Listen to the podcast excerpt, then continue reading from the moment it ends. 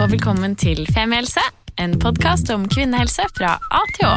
Og jeg heter Helene, Og jeg heter Sigrun. og vi har startet denne podkasten fordi vi mener at det bør snakkes mye mer om kvinnehelse. Så la oss snakke.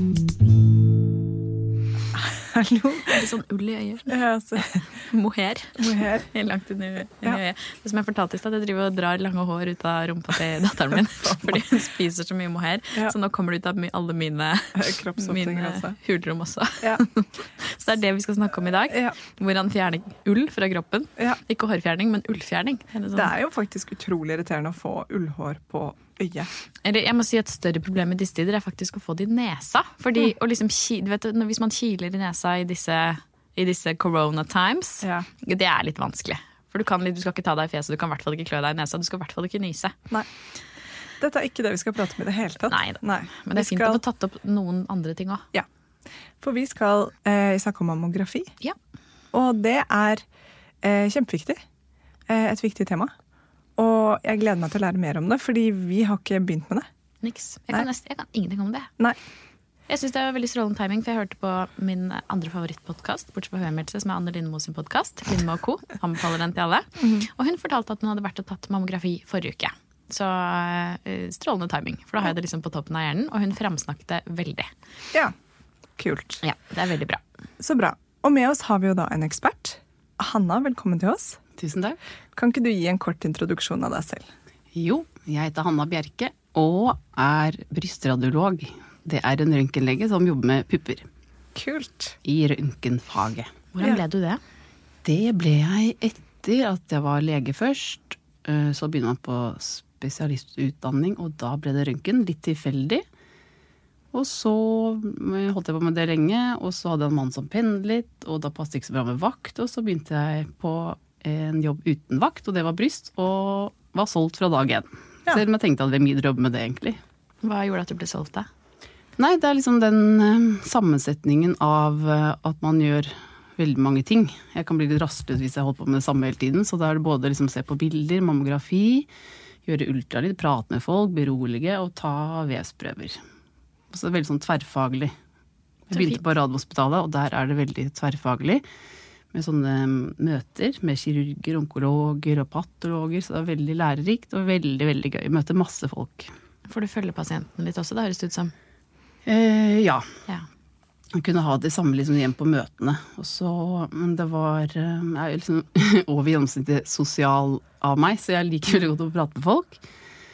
Og da er det veldig godt å liksom kunne forklare og berolige. Det er veldig mange som setter pris på det. Ja, det tror jeg på. For Hanna, hva er egentlig mammografi? Mammografi er en røntgenundersøkelse av puppene. Hvordan gjøres det? Da legger man eh, brystet på en plate, eller et slags bord, og så kommer det en annen plate oppå og klemmer sammen med et visst trykk. Og det er det noen som syns er vondt, men det er veldig viktig for å få klare bilder og liksom få jevnt ut vev ordentlig. Er det da på en måte et slags sånn fotoapparat med to sider? Nei, det er på en måte én plate, og så er det en detektorplate som det heter, og så liksom tas bildene fra den ene siden. Um, men uh, grunnen til at man må liksom presse det sammen, er for at det skal også være mindre stråling til brystet. Så det er mange ting som er viktig da, man, for å gjøre et godt forarbeid for å få bra bilder. Sånn at røntgenlegen ikke overser fortetninger som ikke skal være der. Er det sånn at uh, Spiller det noen rolle hva slags størrelse man har på brystet for å greie å ta en god, et, altså et godt bilde? Nei, det spiller ingen rolle. Vi tar bilder av menn uten pupper i det hele tatt, nesten. Så det er plass til absolutt alle pupper i mammografiapparatet. Er de altfor, altfor store, det er veldig, veldig sjelden. Da kan man også liksom supplere med to. Etter liksom der og der. Oppe og ned. Oi, kult. Men som regel får absolutt alle plass. Jeg skjønner at man kanskje må ta ut piercinger. Men silikon, har det noe å si? Man trenger ikke å ta ut piercing heller. Det går helt fint. Nei, så vi har sett mye fine piercinger. Men silikon, det går også helt fint. Da tar man litt flere bilder. Man tar dobbelt så mange. 80 istedenfor 4, så det tar litt lengre tid. Men det går helt fint. Og det er ikke noe økt strålingsfare da? Nei, Nei. det er så liten stråledose. Men kan ikke du fortelle litt, hva er det man bruker mammografi til? Det er for å oppdage ondartede svulster i brystet, da, som hovedregel. Ja, Ser man også godartede svulster? Absolutt. Vi ser masse syster og bindevevsknuter og andre ting. Vorter og føflekker og alt mulig. Og ser man da med en gang hva alt er på bildet? Nei.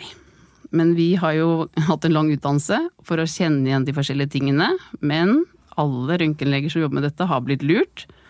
Så det er liksom, jo mer man kan, jo vanskelig blir det på en måte, da. Fordi man eh, Noen ondartede svulster kan se ut som godartede. Og andre ting kan på en måte se ut som ondartet, men ikke er det. Så man kan kanskje ikke bare si sånn at denne er nok godartet, så her er det bare å gå hjem og, Nei. slappe av? Nei, så alt må undersøkes, eller? Nei, så er det, Vi pleier å ha bilder, veldig fint å ha noen til sammenligning da, fra tidligere. og Da kan man si har det vært der liksom over flere år, så er det greit. Men er det noe som er nytt, så tar vi det inn til en ny undersøkelse. Ja. Og da kommer man tilbake til en ny mammografiundersøkelse, eller sendes man da videre i systemet? Man kan ta flere bilder på mammografi, eller en sånn 3D-mammografi, som heter tomosyntese. Og så supplerer man som regel med ultralyd. Ja, skjønner. For å se fra flere vinkler. Ja, det er en annen type undersøkelse som kan på en måte, fremstille andre ting. Ja. Tar man på en måte For brystkreft har jeg hørt at også kan starte under armhulen. Får man med seg den biten av kroppen? Man tar et uh, bilde oppe fra ned, hvor man liksom klemmer brystet sånn. Vannrett? Liksom, nei, liksom oppe fra ned, går strålen, eh, liksom ser man på bildet. Og det andre er liksom uh, i profil, på en måte, hvor man er litt på skrå og får da med litt av armhulen. ja. Så hvis det er noen kjempestore lymfeknuter der, så kan man se det, men eh, det er ikke, det er liksom ikke, man får ikke fremstilt hele armhulen på bildene. Men vevet kan noen ganger strekke seg ganske langt opp der, og derfor man tar bilder på den måten. Da. Gjør man også en, altså en fysisk undersøkelse på mammografi? Altså kjenne på brystet? Nei, Radiografen stiller spørsmål om du har kjent en kul, om du har operert, eh, sånne type ting. Og da skal man gjerne opplyse hvis man har kjent en kul, og da kan de sette på en sånn liten eh, blymarkør som gjør at eh, legen kan se hvor eh, pasienten har kjent noe, da. Så lurt sånn at liksom fokuset blir ja, ok, der sjekker man ut akkurat det området litt ekstra nøye. Mm. Mm. Da kan man se nøyere på bildene. Og hvis man lurer på noe da, så kan man liksom zoome inn f.eks. Ta og trykke litt ekstra hardt. Ta et nytt bilde og trykke litt ekstra hardt der, sånn man får jevnt ut kjertelen enda bedre. Men kan ikke du fortelle litt om dette mammografiprogrammet? Nå har jeg på meg veldig knirkete gummistøvler, beklager for det. Eh, for er er det ikke sånn at det er et, et brystkreftprogram som alle norske kvinner eh, går gjennom eller får tilbud om? Absolutt. Det er mammografiprogrammet som alle kvinner i Norge mellom 50 og 69 år blir invitert til. Og det vil si at det er en frivillig undersøkelse, men man ønsker at så mange som mulig møter opp. Og man ønsker at ca. 80% skal møte, og nå ligger det på 75 Det er Så det er bra. Man ønsker at enda flere skal komme. Ja, for hvorfor? Jeg skjønner ikke hvorfor ikke det er 100. Er folk redde? Ja, noen er redde, noen har liksom begynt å gå andre steder, fulgt liksom Gått andre steder fordi de var unge, kanskje, eller syns at mammografi er tull. Syns det er vondt, tør ikke, syns ikke det er noe vits. Men eh, det er mye mer oppmerksomhet rundt det nå. Så jeg tror mange, mange flere går til mammografi nå enn før. Og da får du et brev i posten med en time, eller? Ja, du får bare liksom en time og en dato, Ja, og så kan man jo ringe og endre hvis det ikke passer. Skjønner. Og er det sånn at man begynner ved 50-årsalderen fordi det er etter fylte 50 at det er størst, størst sjanse for å få brystkreft? Ja, 80% er over 50 år. 80% er over 50 år, ja. Vi har jo spilt en episode om brystkreft også, så dette er jo sånn data jeg burde husket, men det husket jeg ikke. Så du kan høre på, du som hører på, kan jo høre på den Både det episoden. vi vi og du. Vi og, jeg skal hjem og høre på den, du burde høre på den, alle burde høre på den. Og episoden om ungkreft. Ja. Ja. Så to episoder som kan fylle opp dette. Men kan, hvis jeg nå hadde kjent en kul, vil jeg da kunne bestille en mammografiundersøkelse? Ja, altså De som er invitert til screeningprogrammet, de trenger jo ikke henvisning, de bare møter opp til, til timen. Men alle som er under 50, på en måte, eller hvis man kjenner noe imellom disse screeningrundene, da, da eh, må man til legen og få en henvisning.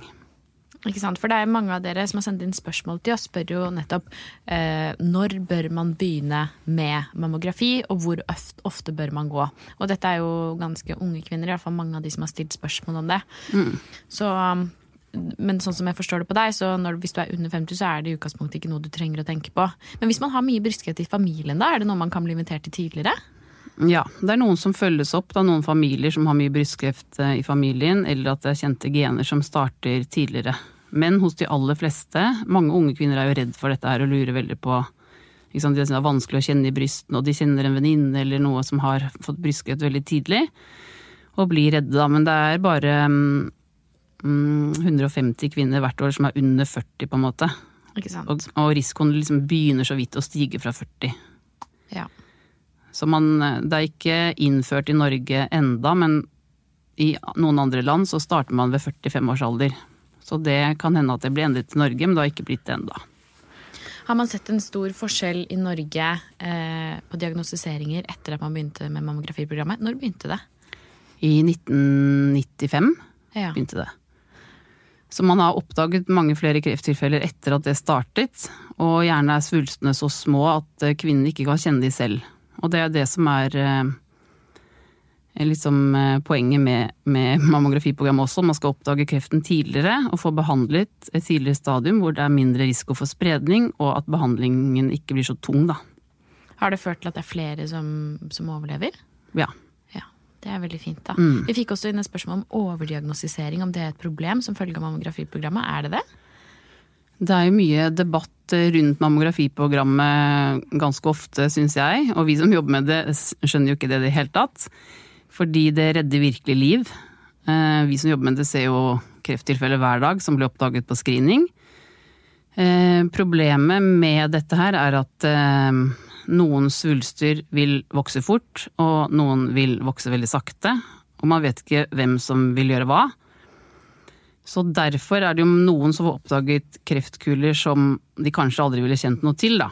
Men så Man vet jo ikke hvem, altså hvem det vil ramme. Så det Men vi som jobber med det, er jo helt overbevist om at dette er eh, kjempebra tiltak, og det redder liv. Det ser vi hver dag.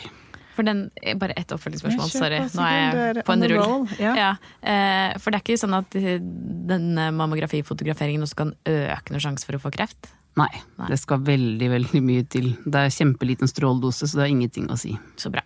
Da er jeg ferdig. Nei, for det, det jeg egentlig bare lurte på, var at det du sier der, at noen kanskje får oppdaget en krefttype eller kreftversjon som man kunne levd veldig lenge med uten at man hadde trengt behandling, så derfor så kan det også bli en overbehandling. Mm, det er det man kaller for overdiagnostisering, da. Men eh, måte, vi har jo funnet kreftceller i alle svulstene, så det er jo kreft. Men noen mener jo da liksom at hvorfor må at det blir større belastning kanskje, for kvinner at man gjennom behandling, kanskje stråling, som man ikke hadde trengt.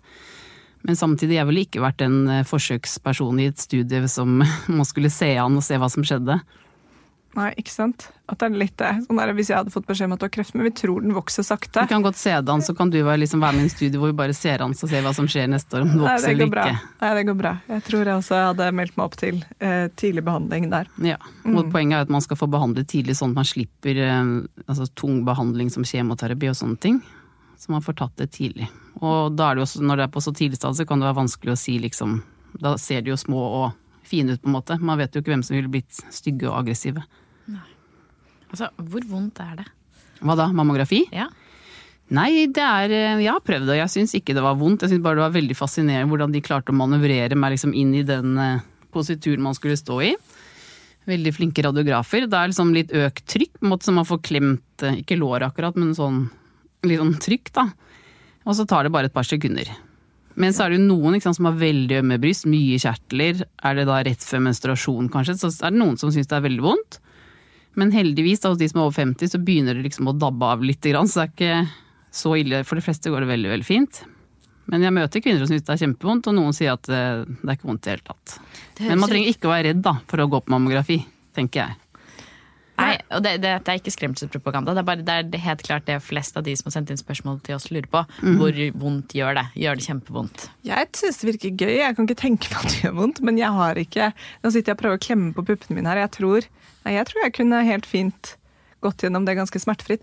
Med mindre jeg hadde kraftig PMS, som jeg har noen sykluser, og da hadde jeg ikke gjort det. Nei, og det det- beste er å gjøre det én uke etter menstruasjon. I den grad man kan velge tiden sin, det kan man ikke alltid, men da er det liksom minst vondt, da. Det er mest vondt før mensen og minst vondt en uke etter. Ja, fordi Når jeg sitter her med veldig sånn ammete pupper, så kjenner jeg at det hadde vært kjempevondt å gjøre det. Fordi nå er det jo bare masse kjertler og sånn knuter og melk og kaos, liksom. Så er det vel litt sånn med alt, da, at noen ganger så gjør ting litt vondt. Og sånn er det. ikke sant? Jeg syns ikke blodprøve er spesielt godt. Eller jeg har noen ganger syntes at celleprøve har vært ubehagelig. Men jeg gjør det jo. Men du syns koronatesten var helt grei, syns du ikke det? Jo. Ikke sant? Og der er det jo folk som ikke klarer det. Nei, men jeg er utrolig tøff, ikke sant. Ja, det er sant. Det er noe med det. Så ja. Man skal i hvert fall ikke frykte mammografi, det vil Nei. jeg si. Helt klart. Ja. Mm. Det er veldig bra. Det høres jo sånn eh, kort oppsummert ut som at dette er eh, noe man bør eh, takke klart ja til eh, og gjennomføre. Absolutt. Ja, Og ikke frykte, og så er det fort gjort. Og jeg syns det høres litt spennende ut. Ja. Jeg man kan få se brystet sitt fra en helt ny side. Men får man se bildene selv? Jeg pleier å vise det til folk. Jeg er veldig interessert i å vise og forklare. Og kom her og se og Ja, det sånn. kan man men- få de tilsendt? Man kan kjøpe, altså Nå jobber jeg på Unilabs, da, ikke på sykehus. så Jeg har liksom bare en sånn skillevegg mellom min datamaskin og ultralyden. Så jeg viser gledelig frem. Man kan kjøpe bilder, da, men jeg, hvis man er interessert i det. Men det er ikke sånn. Det er kanskje ikke så mange som gjør det. altså, jo, jeg tok uh, MR en gang, uh, og da hadde jeg egentlig veldig lyst til å kjøpe av uh, i, hodet mitt. da. Ja. Mm.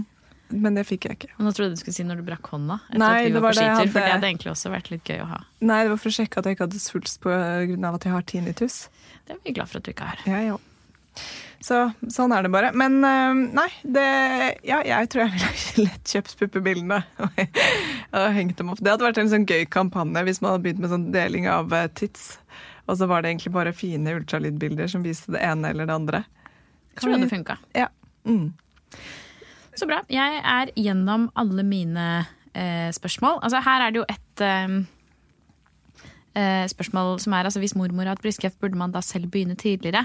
Er det noe man selv burde ta initiativ til, eller følges man da opp på en eller annen måte?